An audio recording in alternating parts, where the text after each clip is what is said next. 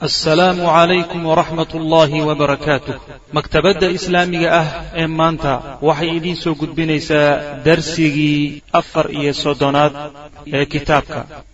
Kitaabu tawxiid lishaykh moxamed ibni cabdilwahaab sal allahuma wslm cala nabiyina muxamedi wcala alihi wasaxbihi ajmaciin ama bacd aada allah. Wuxuu u yahay. Man saba ciddii cayda addahra sabanka ruuxii cayay faqad aada allaha alla ayuu dhibay subxaana watacaala taasuu baab u yahay. Macnaha dahriga waxaa laga wadaa waktiga iyo sabanka laga wadaa. Ninkii marka aflagaadeeyo oo caaya waxaasi ilaahay buu dhibay subxaana watacaala sidaas wixii ku soo arooray buu baab u yahay. Wa qawli llahi tacaala ilahay odhahdiisa ayuu baab u yahay uu yihi wa qaluu ma hiya ila xayaatuna adunya namuutu wanaxya wamaa yuhlikuna ila adahru wamaa lahum bidalika min cilmin in hum ilaa yadunnuun wa qaaluu waxay yidhahdeen nimankii dahriyiinta ahaa maa hiya noloshu ma aha ilaa xayaatunaa noloshanadi mooyaane addunyaa ee dhow. Waa noloshan uun. Haddaan ku jirno addunyo namuutu waanu dhiman wanaxyaa waanu noolaan. Wamaa yuhlikunaa namana halaagayo nama baabi'inayo ila adahru waktiga iyo zamanka mooye. Wax kale nama halaagayo wamaa lahum uma sugnaanin buu alla leeyahay nimankaa bidalika arrinka ay yidhaahdeen min cilmin wax aqoona uma ay laha in hum maa hum mana aynan ahaanin ilaa yadunnuuna. Kuwa iska mala awaalaya mooy wax kale ma aha. Way iska malaynayaan. Macnaha baabku waxa uu ku saabsan yahay ilaahay subxaana wa tacaala waxyaalaha makhluuqaadkiisa waxaa ka mid a zamanka iyo waktiga ayaa ka mid ah. Waxaa jira marka niman gaalo ah oo la odhan jiray malaaxida mulxidiin la odhan jiray ama dahriyiin la odhan jiray.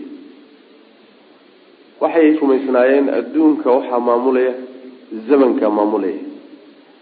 Waktiga ayaa adduunka maamulaya. Waxyaalahan dhacdooyinka ee khayrka ama sharka ah ee adduunka ka dhacaya waxaa keenaya zamanka keenaya. Taqriiban waxay isku dhow yihiin nimankan la yidhahdo hadda abiiciyiinta la yidhahdo ama shuuciyiinta la dhihi jiray ee dhihi jiray laa ilaha walxayaatu maadda mabdaa rumaysnaa. Yani noloshu waa uun maaddo waay waxa adduunka la rogrogayana waa dabeeco. Yani waa uun zamanka unbay ka dhignaayeen. Nimankaasi marka isku mabda dhawaayeen qolyo noocaasaa jiray. Qolo kale waxaa jirtay oo carabta u badnaa oo iyagu rumaysnaa. Yani zamanka dhexdiisa. Ila zamanku waa maalmihii iyo habeenkii iyo saacadihii iyo kuwa wey iyo sannadkii. Zamanka dhexdiisa waxyaalaha dhacaya ee ilaahay uu ridayo subxaana watacaala uu keenayo ama khayr ama shar ah ayaa waxay ku eedeyn jireen zamanka laftiisay ku eedeyn jireen. Markaasay aflagaadeyn jireen oo caayi jireen. Oo waxay dhihi jireen waa saban inkaar qaba oo kale waa saban dhibaato saasoo kaleeta. Ah yani wixii dhacay ee dhibaato ku dhacay ayay macnaha zamanka u qabsan jireen. Qolyahaasa marka laga hadlayaa meesho zamanku wax ma sameeyo. Waa un weel gudihiisa wax ku dhacaan bas wixii ilaahay subxaana watacaala uu rido unbaa dhexdiisa ku dhaca. Laakiin isaga waxba ma sameeyo raadna kuma lahaa caayitaankiisa isaga la caayayana ilaahay oo la caayo yay ka dhigan tahay macna. Aflagaado ilaahay loo geystay bay ka dhigan tahay. Saasaa la fahansiin rabaa. Marka sabanka wax ka sheegiisa ayaa laba macno leh ama saddex ba dheh. Markuu ruuxu eedeynayo zamanka in uu yani uu ka waran keliyata ujeedadiisu ay tahay. Sida masalan waxa weeyaan yani waxaa tidhi waxaan ku rafaadnay maanta kulaylka qoraxda ama yani qabowga maanta waa maalin qabow. Waa maalin kulul waa sanad abaar ah. Sidaasoo kaleeto mujarad ikhbaar iyo warramid keliyata haddii ujeedadaadu tahay way iska banaanta waa kii nabiyullaahi luut calayhi salaam iyo ah. Hada yawmun casiib waa kii odhan jiray. Waa maalin daran wey macnaha marka haddii uun warbixin uun keliyata ujeedadu ay tahay dhib ma leh. Haddiise laakiin zamanka ruuxu uu eedeynayo waxyaalihii dhacayna uu isaga uu saarayo. Una aflagaadaynayo inuu isagu yahay wixii sameeyey waxyaalaha. Waxa ka dambeeya inuu isagu yahay. Haddii sidaa uu eedeynayahay waa gaalnimo waa kufri waay maxaa yeelay ruuxaas wuxuu rumeeyey ilaahay mooye cid kaloo wax samaysa oo wax keenta wax bedasha inay jirto.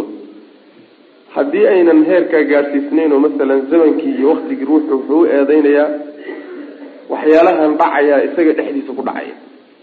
Yani ama habeen bay dhex dhici ama maalin bay dhex dhici ama macnaa waxa weye zamankii unbay un waxyaaluhu dhexdooda dhexdiisa dhecen marka waxyaalihii dhacay weelkii ay dhexdiisa ku dhaceen iyo meeshii ay dhexdeeda ku dhaceen ayuu daraaddeed buu u eedeynaya zamanku inuu saa yahay daraaddeed buu u eedeynaya taasina waa xaaraam. Laakiin darajada shirkiga oo tii hore kale ma gaadhsiisna saasaa loo kala qaada macna.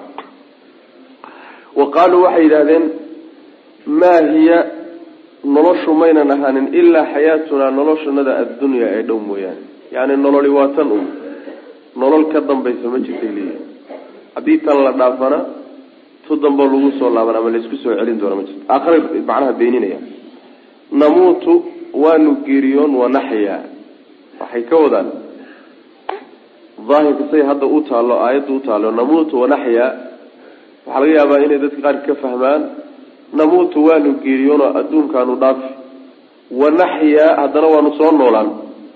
Oo adduunka noloshii baan mar laba dib ugu soo laabanayna taasi waaba tay ee waxaa laga wadaa naxyaa wanamuut adduunka intii naloogu talagalaanu ku noolaan kadibna waanu geeriyoon. Geeridaana wax ka dambeeya male saa macnaheed waxa weeye namuutu wanaxyaa xarafka isku cadfay ee isku xidhaya waa wow.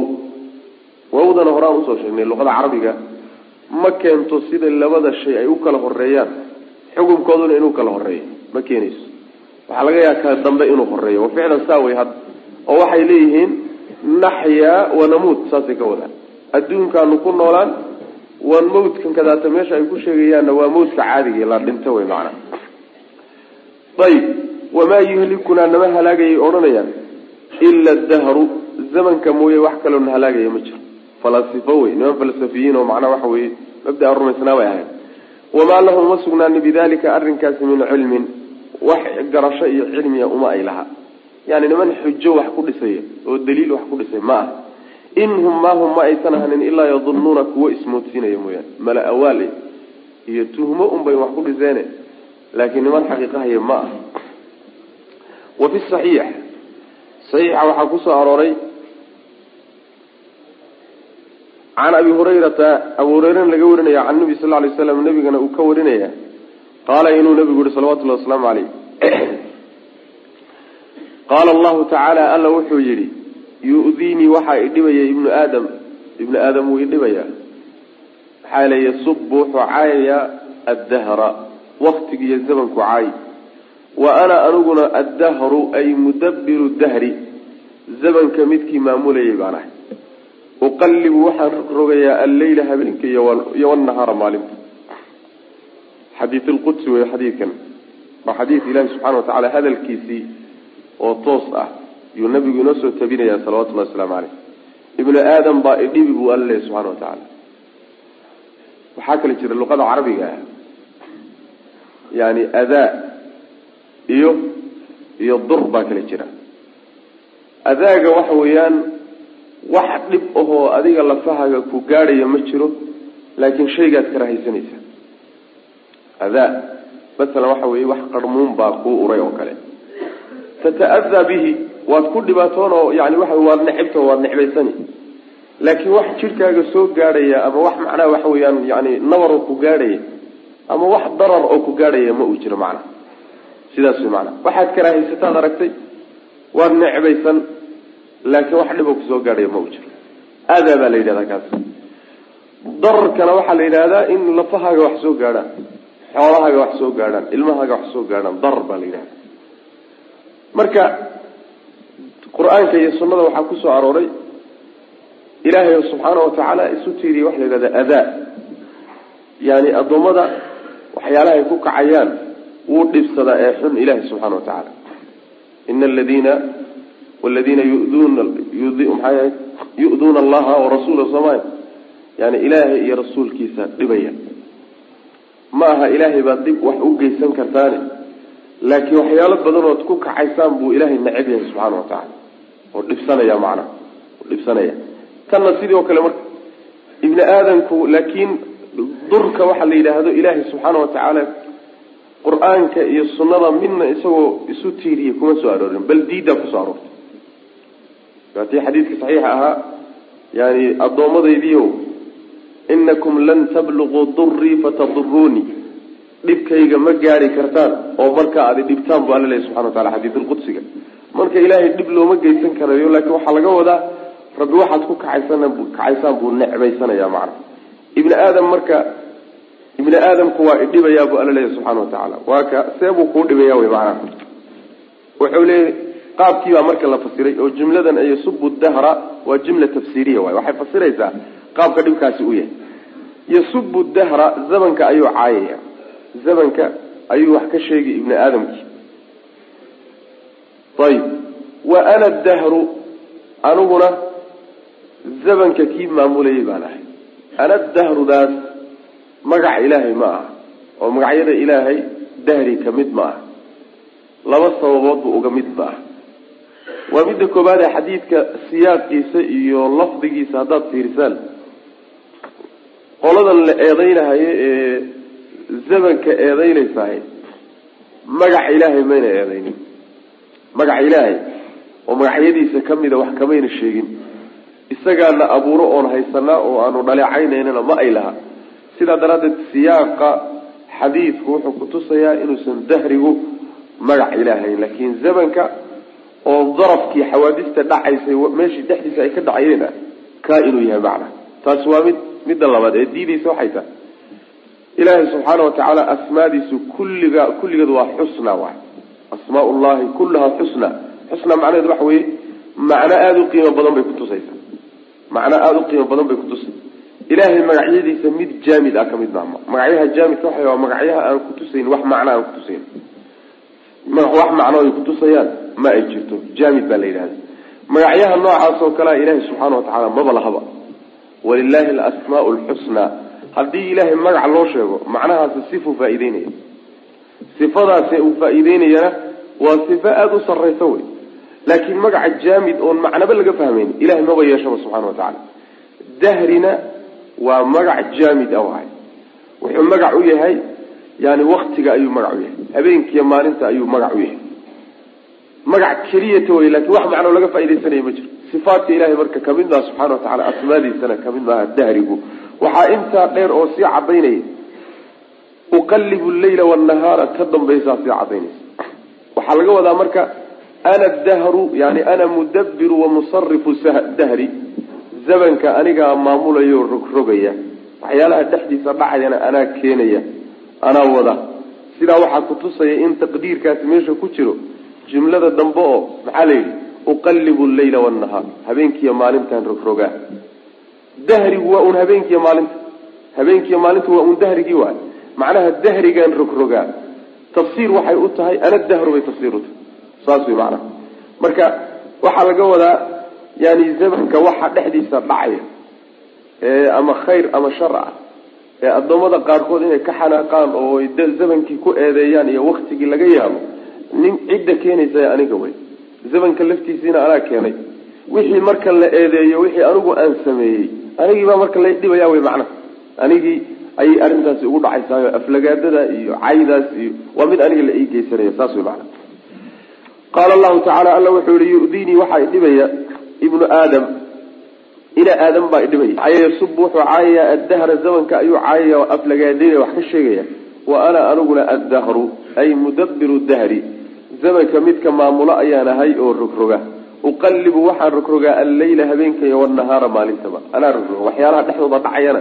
Anaa rogrogayo wy wa fii riwaayatin waxaa yidhi laa tasubu ha caayina addahra zamanka ha caayina fa ina allaha alle huwa isagu addahru. Waxaa laga wadaa fa ina allaha alle huwa isagu mudabiru dahri. Zamanka midka maamulo wey maana zamanka isagaa maamule oo rabbi baa u taliye ilaahay makhluuqaadkiisaas iyo oo uu zamanku ka mid yahay iyo waxyaalaha zamanka dhexdiisa dhacaya ka daaya aflagaadadiiy cayda wey maana maxaa yeelay waxaad adigu samaysay oo gacantaada aada ku samaysay. Haddaad guri dhisato walilahi lmathalu lacla aan kaba soo qaadno muhandis baa ta guri baad dhistay gurigii marka intaad isku hawshay aada dhamaysay. Yaa inta saa loo fiiriya baa la yidhi war intaasoo fangarood buu leeyahy intaasoo ceegood buu leeyahy gurigu ma dhisno oo kan oo gurigii unbaaba ceeb cayd loo qaatayba adigii cayda yani gurigaagii aada dhistay loo qaatee la cayayahay adigay ku soo gaadhaysaa sooma. Macnaha farsamadaadii baa xumayd wey farsamadii ninka dhisay ayaa nin xun ahaa oo aan wax garanaynin oo macnaha waxa weyaan aan muhandis quman ahayn. Sidaasay noqonaysaa macnaha. Marka ilaahay subxaana watacaala waxyaalaha dhacdooyinka uu keenayo markaad wax ka sheegaysaan isagaad wax ka sheegteen wy maana maxaa yeele isagaa waxaan keenayo maamulaya maana cid kale ma maamulin. Laa tasubu dahra faina allaha alla huwa isagu mudabir wamusarifu dahri. Zamanka isagaa maamula alla subxaana watacaala sidaa daraaddeed ka daayaha cayne. Fiihi masaail baabkan masaail dhowraa ku jirta. Alula masalada koobaad waxa wey annahyu reebitaan layska reebo can sabi dahri zamankoo la caayo. Athaaniyatu masalada labaad tasmiyatu ku magacaabidiisa arrinkaa lagu magacaabo ada allah dhib ilaahay la dhibayo loogu magacaabo athaalithatu masalada saddexaad ata'amulu u fiirsi wey fii qawlihi loo fiirsado fa ina allah huwa dahru jumladaasoo loo fiirsado. Oo waxaa laga wadaa fa ina allaha huwa musarifu dahri zamanka isagaa rogroga oo maamulo alla subxana wa tacaala alraabicatu midda afraadi waxa weeye annahu qad yakuunu inuu hada laga yaaba ruuxii saaban mid caayaya oo aflagaadeynaya walow lam yaqsidhu yuusan uba qastinba biqalbi qalbigiisa uusan ulaba qastin. Xataa qalbigiisa hadduusan ula qastin oo uusan qalbigiisa ilaahay cays lahayn mafcuulaadkiisa iyo waxyaaluhuu sameeyeyna uu wax ka sheegayahay isagoo ilaahay caay oo kale ka dhigay. Walow qalbigiisa iyan saasba ku jirin. Inay saasi noqotaa laga yaabaa saasuu le macana ayib baabu tasami biqaadi lqudaat wuxuu baab yahay in laysku magacaabo qaadigii qudaada xaakimkii madaxii madaxda oo kale xaakimtii xukaamta oo kale yani magacyahaasoo laysu bixiyo. Munaasabada baabkan uu meesha sheekhu keena waxa weeye magacyaha qaarkooda waxaa jira ilaahay la gooniyahay subxaana wa tacaala. Wuxuu kutusayaa magacaas uu faa-ideynayaa macno aada u sarreeya macnahaasoo makhluuqba uusan yeelan karin ninkii marka magacaa la baxa ama loo bixiyo raalli ku noqdo ama cid la baxday uguba yeedho oo raalli ku ah ciddaasaa marka laga hadlaya. Sababkuna waxa weeye wax ilaahay lahaa oo uu gooni ahaa ayaad macnaha wadaag la samaysay shirki wey marka kitaabu tawxiid bayna ku jirnay marka. Baabu atasami magacaabid buu baabu yahay biqaadi lqudaati laysku magacaabo wanaxwihi iyo wixii la mid ah qaadi lqudaat waxaa la mid ah xaakimu lxukaam oo kale in la yidhahdo xukaamta macnaha inta talisa kii u talin jiray inta garsoorta kii ugu garsoor badnaa saasoo kale macnaha suldaanu salaadiin oo kaleeto salaadiinta oo dhan suldaankoodii in la yidhaahdo kuwaasoo kalea lamida macnaha qaadi lqudaat wa fi saxiixi saxiixa waxaa ku arooray can abi hurayratana laga warinaya radia allahu canhu yani saxiix bukhaari iyo muslim waay labada saxiiba waay. Can inabiy sal lay sl nabiga waxaa laga warinaya wuxuu ka warinaya abu hurayra qaala inuu nabigu yihi ina akhnaca ismin magacka ugu liita cinda allahi ilaahay agtiisa rajulu nin weye oo tasamaa isu magacaabay bimelika alamlaak boqorkii boqorada laa maalika boqor ma jiro ila allahu alla mooyaane. Nin magacaa isu bixiyey yaa magaciisu ugu liitaa magacyaha inta jira saasuu nabigu leh salawatullahi waslamu caleyh macnaa waxaa laga wadaa melika alamlaak boqorkii waxyaalaha la mulkiyo oo dhan. Wax alla waxa la hanto mulki gala. Kii boqor u wada ahaa. Baabkana sheekhu muxuu inooga dhigay qaadi lqudaat naskii xadiidka muusan baabayn marka laakin mid la mid way maana qaadi lqudaat iyo malik lamlaak iyo xaakim alxukaam iyo suldaanu salaatiin iyo shaahan shaahda soo socotay iyo kulli waa isku macno sababta loo diidan yahayna waa la caddeeyo laa maalika ila allah boqorka xaqa ah ee wax walba gacantiisa ay ku jiraan ee maamula waa alle keligii subxaana wa tacaala inta kale ee boqornimada ama madaxnimada sheeganaysa ama inay wax maamulaan sheeganayaan ama mulkigay sheeganayaan baaba naaqis ah oo wuu kala dhiman yahayo maalin buu soo galay mulkiga. Maalinna wuu dhaafi doonaa. Waa wax naaqisa marka. Waa ergiso. Oo ilaahay subxaanahu watacaala macnaha waxa weye wuxuu gacanta u geliye weyo yani waxa weye markii la doonaa laga dhaafin oo laga qaadin ama meehe waaba shay maxduudaba. Waaba xadidan yaho waa kooban yahay. Mulkiga uu sheeganaya dhulka meel kamiduu ku kooban yahay addoommada qaar kamiduu ku kooban yahay oo weliba aada u xadidan. Laakiin wax yani intuu ilaahay abuuray oo dhan wada gaadhay ama in badan oo kamida gaadhaya maaha waa wax kooban wey macanaha waana kooban yahay wax joogayo daa'imanayana maaha. Waxa sidaas oo kale a marka isla gaadho meesha ilaahay subxaana watacaala macnaha aad oo kaleeto intaad isgeyso magacii uu lahaan jiro o dhan aada isu xambaariso isa siiso taasaa la diidanya macnaha. Maadan gaadhin wey halkaa isweyneynin isweyneynin maadan gaadhin. Boqorada boqor uma tihid. Boqorada ilahay baa boqor ah subxaana watacaala waxa la hanto oo dhanna ilaahay baa subxaana watacaala mulkigiisay ku jiraan. Inta wax xugmisana ilaahay baa xaakimkooda ah. Salaadiintao dhanna ilaahay baa suldaankoodii ah. Ee adigu jooji magacii ilahay lahaa subxaana watacaala hala qabsanina macnaha. Saas wey marka ina akhnaca ismin akhnaca waxaa la yidhahdaa waa awdaca ismin magac ka ugu liito ugu hooseeyo wey waxaa lagula tacaamulay bay dhahan yani atacaamulu almucaamalatu binaqiidi lqasdi ba la yidhahda isagu muxuu rabay inuu isku weyneysiiyo soo ma? Inuu isku sarraysiiyo. Ilaahayna subxaana watacaala wuxuu kula dhaqmay niyadiisa lidkeed. Oo meeshuu weyneysiin iyo inuu ku saramaro ku doonahayay kii ugu hoseeyey buu ilahay ka dhigay subxana watacaala magacii uu doonayay inuu magacyaha kuwa u sarreeya ka dhigto kuwa ugu liita ilahay miisaankiisa laga dhigay. Awdacu ismin akhnacu ismin. Magac ugu liita cinda allahi ilahay agtiisa iyo miisaankiisa xukunkiisa. Rajulu nin wey oo tasama isku magacaabay melika alamlaak. Yani waxyaalaha la mulkiyo boqorkoodii ama boqorada boqorkoodii. Laa maalika tani waa cillada loo diiday laa maalika boqor ma jiro ila allahu alla mooye culamada qaar ba marka waxay isweydiinayaan haddii la xadido oo ama meel gobol lagu xadido ama dhulka qaar ka mid a ama addoommada qaar ka mida lagu xadido ma asaxaysaa masalan haddii la yidhahdo qaadi lqudaat fi lfiqhi oo kale waa fani culumta ka mid a lagu xadiday qaadi lqudaati masalan yani waxaa la odhanaya fi somaal oo kale. Yani qaadigii qudaada soomaaliyeed oo kaleeto meel baa lagu xadiday qaadi qudaati bani fulan ree hebel qudaadoodo dhan kii qaadiga u ah. Sidaa haddii loo soo xadido oo ama meel lagu xadido ama addoommada qaar ka mida lagu xadiday ma asaxaysaa su'aashaasaa la isweydiinaya sheekh ibnu cuthaymiin wuxuu leeyahay xafidahullah in way bannaan tahay buu le dhib male sa haddii loo xadido dhib male maxaa yeele waxaa meesha ka baxaya u ekaanshihii ilaahay magaciisa uu u ekaa uu goonida leeyahay u ekaanshaha meesha ka baxay. Haddii la qaydo oo meel lagu qaydo ama daa'ifa min annaas lagu qaydo. Markaasi waa ka baxaysaa bu le macnaa waxa wey mancigii waa ka baxaysaa. Laakin mar walba waxa fiican buu haddana leeyahay in la iska badaayo. Ayib. Sababka loo diinaya marka laa maalika maalik boqor xaqiiqiya ma jiro ila allahu alla mooye. Waxa kaloo dhan boqornimada la sheeganaya waa mid uun macnaha waxa weyaan maaragtay aan daa'imayni waay qaala sufyaan wuxuu yihi sufyaan ibnu cuyayna mithlu shahanshaah oo kale way shahanshaah shahanshaah macnaha melikulmlaak oo kale waay. Melikulmuluk ama melikulmlaak oo kale waay. Waana luqada farisiga luqada furus.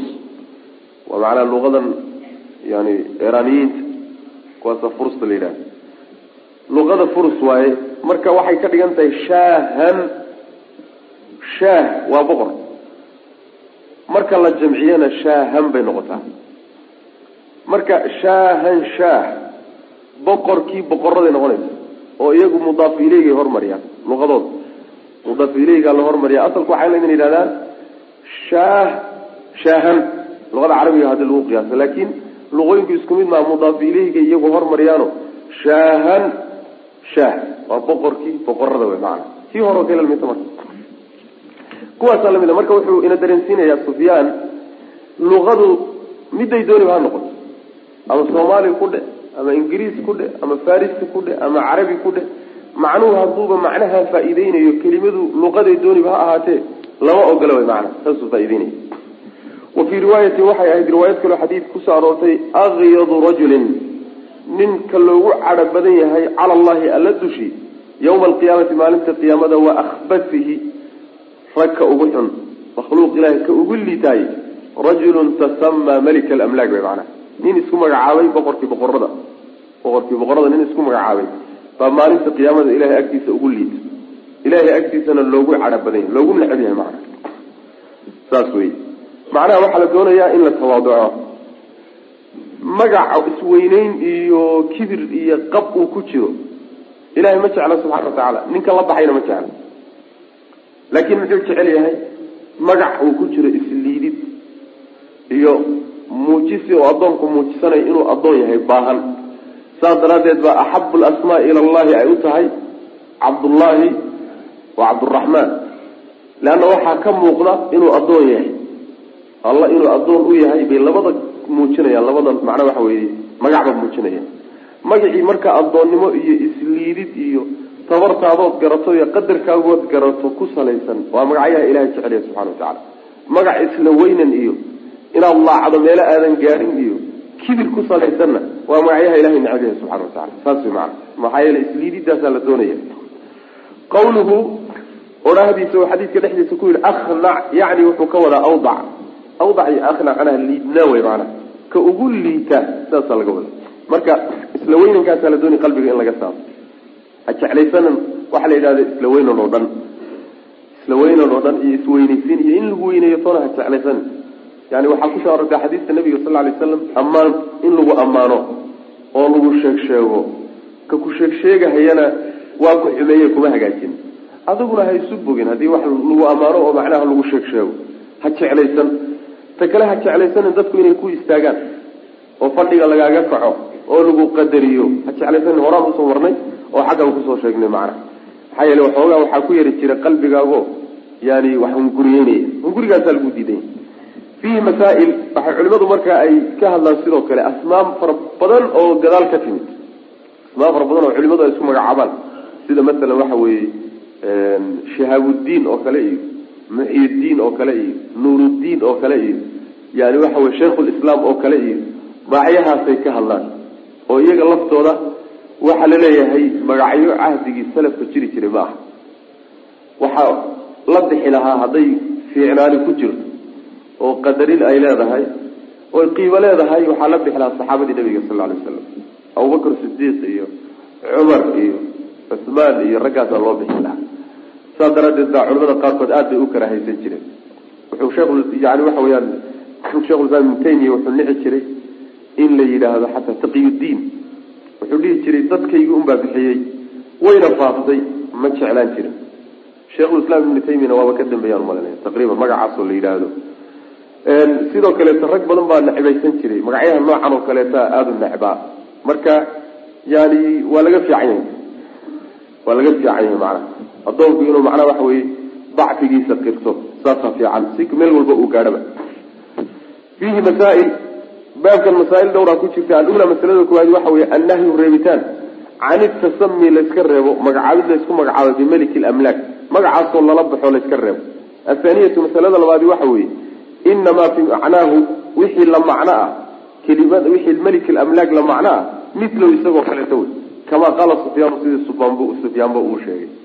Kelimada melikulamlaak uun xarfaha uun looma jeede macnahay tusaysaa loola jeeda kelimadii walba iyo waadhi walba macnahaasoo kale faa'idaysana lama ogola wey macana athaalidatu masalada saddexaad waxa weeye atafatunu in la fahmo litakliidi adkaynta fii hada arrinkaa la adkeeyiyo wanaxwi wixii la mid arrinkaas si adag adkaynta loo adkeeyey loo diiday oo bal si fiican loo fahmo.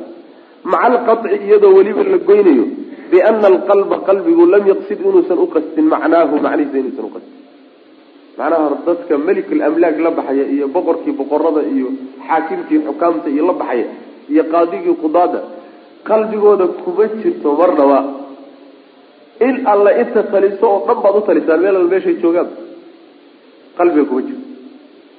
Oo ilaahay isgarab dhiga oo isla sima oo magaca ilaahay lahaa wax ka qaata isma laha. Maba gaari karaan inaysan gaari karin is ogyihiin qalbiga kuma jirto. Laakiin maxaa la diidan yahay? Afkaa xataa loo diidan yahay in macnaha waxa weeyaan waxyaalihi. Ta kale waxaa la diidan yahay kan la baxaya iyo yani waxoogaa kibir ah. Kibir iyo isla bay ku dhalin. Sidaa daraaddeed walow qalbiga haba ka manaato macnaheeda saxday ku tusayso qalbigu yuusan uba qastine lama ogola way maana oo waa la adkeeyey saas wey wuxuu leeyahay sheekh ibnu cuthaymiin wuxuu leeyahay haddii uusan ruuxu u qastin macnihii macnaha waxa weeyaan maaratay baabka inoo soo socdo baabka inoo soo socdo. Alraabicatu masalada afraadi waxa weeye atafatunu in la fahmo oo la kaso ana hada arrinkaasi liajli illahi subxaanahu ilahay dartii inuu yahay. Maxaa loo diidan yahay magacyahan ilahay dartii baa loo diidan yahay oo ilahay baa iskale wey macnaha waxaa loo diidan yahay ilahay keligii baa iskale ilahay wixiisa yaan la fargelinin. Saasaa loo diidan yahay macnaha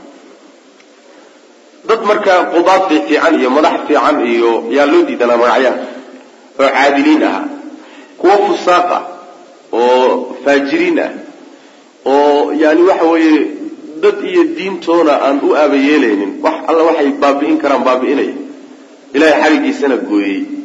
Marka la yidhaahdo qaadi lqudaad iyo xaakim alxukaam iyo suldaanu salaatiin iyo magacyaha noocaas oo kale marka loo bixiyo waa laba dembiyo isdul saaran way waa been iyo magacii la diidanaayo dad loo bixiyey labadaasoo isdul saaran labaduna kala daran. Oo been waxay ku noqonaysaa nin wuxuusan macnaha waxa wey xataa ku dhaweyn. Hadduu qaadi ahaan laha xataa waxbay aan lahay qaadi xataa maaha xaakim qubaar xataa maaha sidaas way macana inta badan magacyahana waxaa la baxa. Dadka aan suluuq ahaan iyo akhlaaq ahaan hagaagsanayn si ayna dadku marka uga didin oo looga cararin oo hogaankooda ayna uga hoos bixin magacyay doonayaan inay dadku haystaan magacyo raayul caamkaa la doonaya in lagu khayaamo dadkaasa inta badan la baxa laakiin ruux hadduu akhlaaq leeyahay oo dhaqan fiican yahay dadku dhaqankiisaas iyo akhlaaqdiisaasayba ku xilmayaan magac kuma magac saasaba uma baahna macana magac saasaba oo dadka uu ku siro uma baahna. Dadka akhlaaqdiisaa soo jiidanaysa iyo dhaqan wanaagiisa laakiin markuu dhaqan ka aradan yahay iyo akhlaaqda markaa way markuu is leeyahay magacyo waaweyn oo dadku macnaha lagu kediyo la bax macnaha saasay u badanta baabu ixtiraami asmaa illah magacyaha ilahay oo la ixtiraamo tacaala korhay wa tagyiiri lismi iyo magacii in la bedelo liajli dalika ixtiraamkaa dartii in loo bedelo. Wuxuu baabu yahay ilahay magacyihiisa in la ixtiraamo oo la qadariyo. Ixtiraamkaa marka waxaa ka mid a magac ilaahay addoon la baxay haddii la arko in la bedelo oo magacaasi laga bedelo magac kale loo bixiyo sidaas way macana magacyaha maxaa yeele ixtiraamidda ilahay magacihiisa la ixtiraamo waa ixtiraamkiisii waaye isagoo la ixtiraamay waaye. Magacyihiisa oo la liido ama meel lagaga dhacana isagoo meel lagaga dhacay ka dhiganta saas way macana magacyaha marka laba qaybood waaye. Magacyaha ilahay qaar isaga mooye cid kale aysan laba bixi karinba sida allah oo kale alraxmaan oo kale rabbulcaalamiin oo kale melikulamlaaka soo marna oo kale. Magacyo isaga oo mooye cid kale aynan la bixi karin.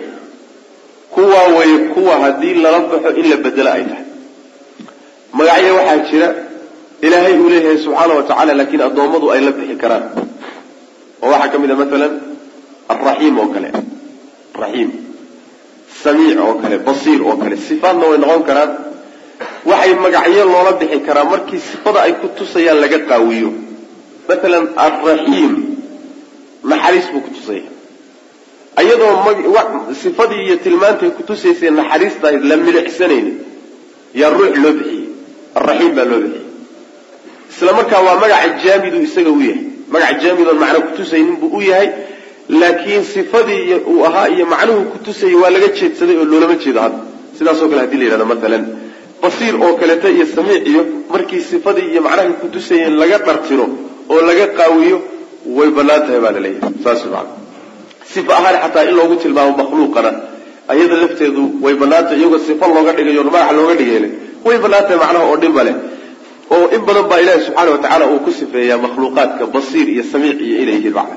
Nabigana salawatullahi wasalaamu aleyh raxiim baa lagu sifeeyey qur'aanka dhexdiisa raxiim. Laakiin makhluuq lagu sifeeyey arraxmaan weligaa arkimaysa allah ma jiro wax lagu sifeeyey. Rabbulcaalamiin ma jiro saas maanaa marka magacyaha leeyahay loo ixtiraamo ayuu baabu yahay. Can abi shurayxin abu shurax waxaa laga warinaya anahu abu shurayx kaana wuxuu ahaa yukna mid loogu kinaayoodo oo kinaayo looga dhigo abalxakam magaciisa waxaa la yidhahdaa hani ibnu yaziid alkindi. Saxaabi buu ahaa. Marka kunyadiisa waxay ahayd abalxakam ayib faqaala lahu nabiyu sal lay sl nabigaa wuxuu ku yidhi ina allaha alle huwa isaga ayaa alxakamu. Ninka cidda inuu wax kala xugmisa mudani alla wey. Wa ilayhi xaggiisuna alxukmu xugumna xaggiisuu u noqon. Xaggiisuu xugum jiraa ayib fa qaala wuxuu yidhi ninkii baa odhanaya ina qawmii hadalka wuxuu ka dambeeyey su'aal buu nabigu weydiiyey salawatullahi waslamu caleyh maxaa abalxakam lagugu naanays maxaa macnaha waxa weye abalxakam kunyadaada looga dhigay? Buui fa qaala wuxuu yihi ina qawmii tolkay ida ikhtalafuu hadday isku qabtaan fii shayin wuxuun hadday isku khilaafaan.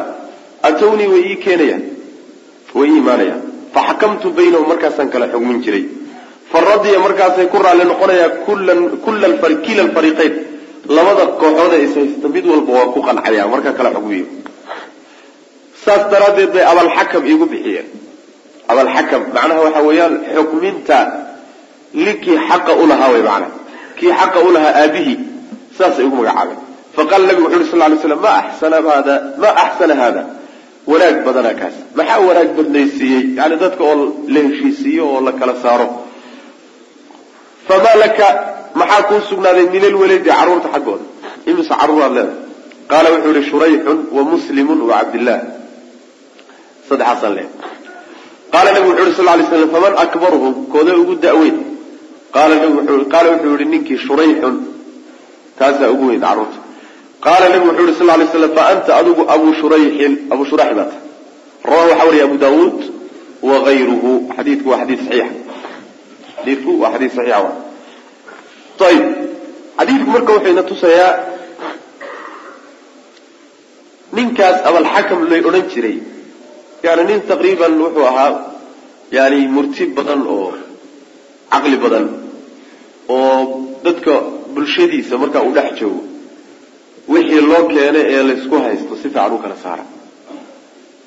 Markuu kala saara kadibna cid walba way ku qanci jirtay. Wax ishaysi iyo muran dambe ma lahaan jirin.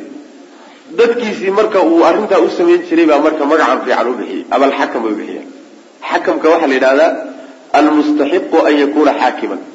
Cidda mudan inay xaakim noqoto ayaa xakam la yidhahda garsoore inay noqoto oo addoommada kala saarto ciddaasa xakam la yidhahda marka xakamku waa ilaahay magacihiisa mid ka mida waay alxakam ilahay magacihiisa mid ka mida waay marka wuxuu noqonayaa macnihiisa marka la fasiro yani kii alla aabba u ahaa oo kaleeto macnaha aballahi oo kale ka dhigan tahay. Abalxakam waxay ka dhigan tahay aballahi oo kaleeto alle aabihii oo kale noqonaysa. Macnahaasu marka waa macno faasida waay macno khaldan way macnaha oo xun. Xakamku marka ilahay baa iskale subxana wa tacala waana magacihiisa mid ka mid a talabaadna xukumka iyo addoommada uu kala garsooridiisu ilahay bay unoqonay subxana wa tacala xukumka laba qiibood wey xukum kawni ah oo waxyaalaha adduunka ka dhacaya ee dhacdooyinka ah oo la xukmiyo.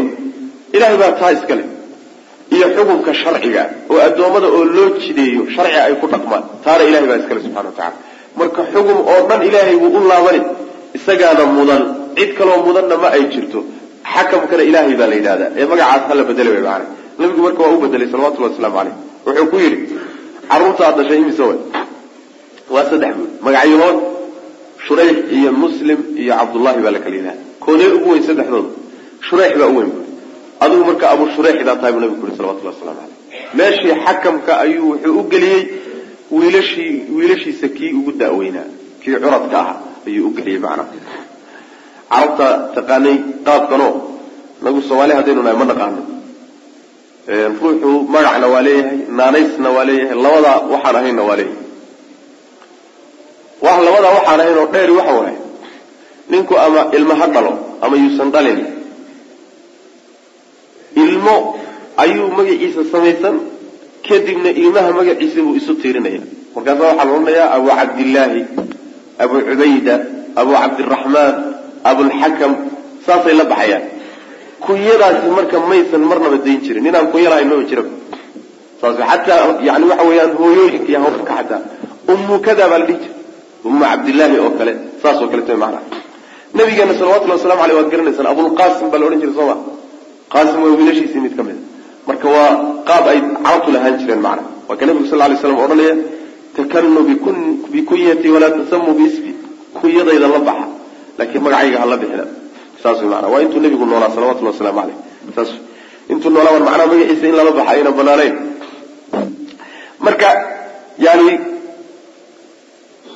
maya waxay ahayd tasamuu biismi walaa takanu bikunyati waan dawro macnaha waxa weeyaan kunyadayda ha isku kunyayninoo abalqaasim hala bixina laakiin magacayga la baxa oo maxamed a macna saas magaca la baxa haddaad macnaa waxa weya aada u baahataan ama aada doontaan laakiin kunyadayda hala bixina. Marka kunyadu saasay ahaan jirtay oo waa wixii ama ab lagu bilowdo ama macnaha waxa weeyaan lagu bilowdo yani um lagu bilowdo ummu iyo abu iyo saasoo kale lagu bilowdo macna ayaa la yidhahdaa kunyada.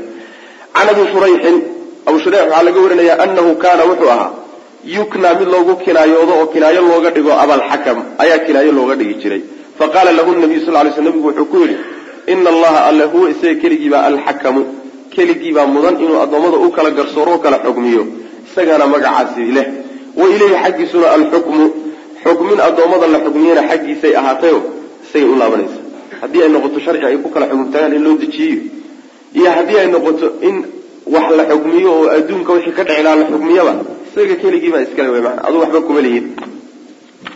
Aakhare haddii la tagana isagaa ilahay addoommadiisa kala xugminaya subxana wa tacala adduunkana waxyigiisaa lagu kala socdaa iyo kutubtuu soo dejiyey. Waxyaalaha dhacayana isagaa keenaya fa qaala wuxuu yihi ninku ninkiibaa wuxuu yihi qaaladani waxay ka dambaysay hadalkani su'aal nabigu weydiiyey salawatullahi waslamu caleyh maxaa lagugu magacaabay abalxakam maxay tahay sababka keenay? Taasuu kaga jawaabaya fa qaala wuxuu yihi ina qawmii aniga tolkay ida ikhtalafuu hadday isku khilaafaan fii shayin wuxuun hadday isku khilaafaan oo isku qabtaan atawnii way ii keenayaan. Way ii imaanayaan macna iyagoo iswata faxakamtu baynahum markaasaan u kala garsooraya waan kala saaraya fa radiya markaasuu raalli ku noqonaya kila alfariiqayn labadii kooxoodbu markaasay ku qancayaan xukunkaygii. Faqaala nabigu wuxuu yihi sal lay slam maa axsana haada? Arrinkaa maxaa wanaag badnaysiye yani wanaagga nebigu dhanku kaga tilmaamaya waxa weeye asulxu bayna annaas alislaaxu bayna annaas dadku markiis hayaan oo la heshiisiiyaay waa fiicanta inaad dadka kala dhex gashaayo ma xuma aada way fiicanta famaa laka maxaa kuu sugnaaday min alweladi carruur xaggood maxaad ka leedahay? Qaala wuxuu yihi shurayxun wa muslimun wa cabdullah qaala wuxuu yihi faman akbaruhum? Kooday ugu daaweyn. Qaala wuxuu yihi shurayxun. Qaala nabigu wuxu yhi sal lay slam fa anta adigu abu shurayx. Abu shurayx. Abu shurayx baa tahay marka abalxakam ma tiidiyo macna. Rawa abu daawuud baa wariyey wagayruhu fiihi masaa'il. Baabkan masaa'il baa ku jirta alula masalada koowaadi waxa weye ixtiraamu asmaa illah magacyaha ilahay oo la ixtiraamo wa sifaatihi. Iyo sifaatkiisa oo la ixtiraamo. Magacyaha iyo tilmaamaha uu leeyahay oo la ixtiraamo. Walow lam yaqsid yuusan uba qasdinba macnahu macnihiisa yuusan uqasdinin xataa macnihiisa haddaadan uqastaynin maya. Lama ogola buu leeyahy oo adoon uqastaynin macnihii weedani ama kelimadani uu ku tusayey ee ilaahay uu lahaa macnihii xataa adoon uqastaynin yaa lala bixin buu leeyahy meeshii macnaha waxa weeye aan doonaya inaad taxriiqiya tanay ahayd sheekhu wuxuu leeyahay sheekh ibnu cuthaymiin hadalkaa walow lam yaqsid macnaahu waxbaa ku jira. Sidaa uu yahay sax uma aha buu leeyahay. Maxaa yeelay haddaan macnihii la milicsanaynin oo macnihii aan loo qastaynin way iska bannaan tahay buu leeyahay. Oo uu magacu yahay uun calam magac uun macnaha mujarad ahoo lala baxay hadduu yahay. Macnihii ilaahay uu ula baxayna aan meesha la milicsanaynin oo la fiirinaynin oo loogu magacaabin way bannaan tahay buu leeyahy maxaa yeele saxaabada nabiga sal lla alay slam rag waxaa jiray la odhan jiray alxakam nabiguna uusan magaca ka bedelay sal alla alay slam sida alxakam ibnu xarit oo kale alxakam ibnu saciid ibnu caas oo kale alxakam ibnu cabdillahi athaqafi oo kale saxaaba noocaas oo kalea jirta qaar xakiim la dhihi jirayna way jiraan xakiim sida xakiim ibnu xizaam oo kale waa jira. Xakiim ibnu xaritin aaifi oo kale xakiim saxaabo badan oo la dhihi jirayna waa jiraan oo nabigu uusan ka bedelin salawatullahi wasalaamu caleyh marka magacan ay saxaabada loo bixiyey macnihii ilaahay uu ula baxay ee kelimadu ay kutusaysay lama milicsanayo lamana fiirinayo lagamana wado. Marka raggan loo bixiyey macna isaabaha oo kaleeto alisaaba fi tamyiizi saxaaba oo ibn xajar uu leeyahay kitaabkaas. Haddaad macnaha waxa weeye yani aad ka fiirisaan magacyo badan oo saxaabadu lahayn jireen oo sidaasoo kale waa jiraan macna marka haddaan macnihii loola jeedin way iska bannaan tahay buu sheekhu leeyahay oo halkaasuu tacliiqinaya macna athaalidatu masalada saddexaadi waxa weeye tagyiiru lismi magicii oo la bedelo liajli dalika arrinkaa daraaddii loo bedelo. Ixtiraam magaca ilahay la ixtiraamayo in magacyaha loo bedelo. Laba magacba waa la bedelaa magac ammaan ku tusayo meel uusan addoonku gaadhsiisnayn la gaadhsiinayo qab iyo isla weynan tusaya haddii ruuxa loo bixiyo waa in laga bedelo. Nabigu waa ka bedeli jiray salawatullahi waslamu caleyh xataa magacyaha waxoogaa taskiyada laga dareemayay iyo ammaanta dheeraadka ah waa ka bedeli jiray nabigu sal lay slam magacu haddii uu macno xun faa'iideynayo oo macno faaisida faa'iideynahayo oo uu xun yahayna nabigu waa bedeli jiray salawatullahi waslamu caleyh magac iska dhexdhexaad ama iska jaamid ah oon macnoba lahayn ama hadduu macno leeyahay macno makhluuqa u qalma ah magacyaha noocaas oo kaleta macnaha lala baxa ayib athaalidatu masalada saddexaad waxa weye ikhtiyaaru akbari alabnaa wiilasha kuwa ugu waaweyn oo la doorto lilkunyati kunyo daraaddeed loo doorto. Markaad doonaysa inaad kunyo la baxdo carruurta kuwa yaryar hala bixina ka kunyo ka dhiga wey maanaa magaciisa isku lifaaq. Saasaa laga faa'idaysa waajib laakin ma waajib maaha oo inay waajiba waxaa kutusaya xataa waxa weeyaan adoon ilmama dhalin ayaad kunyo la bixi kartaa.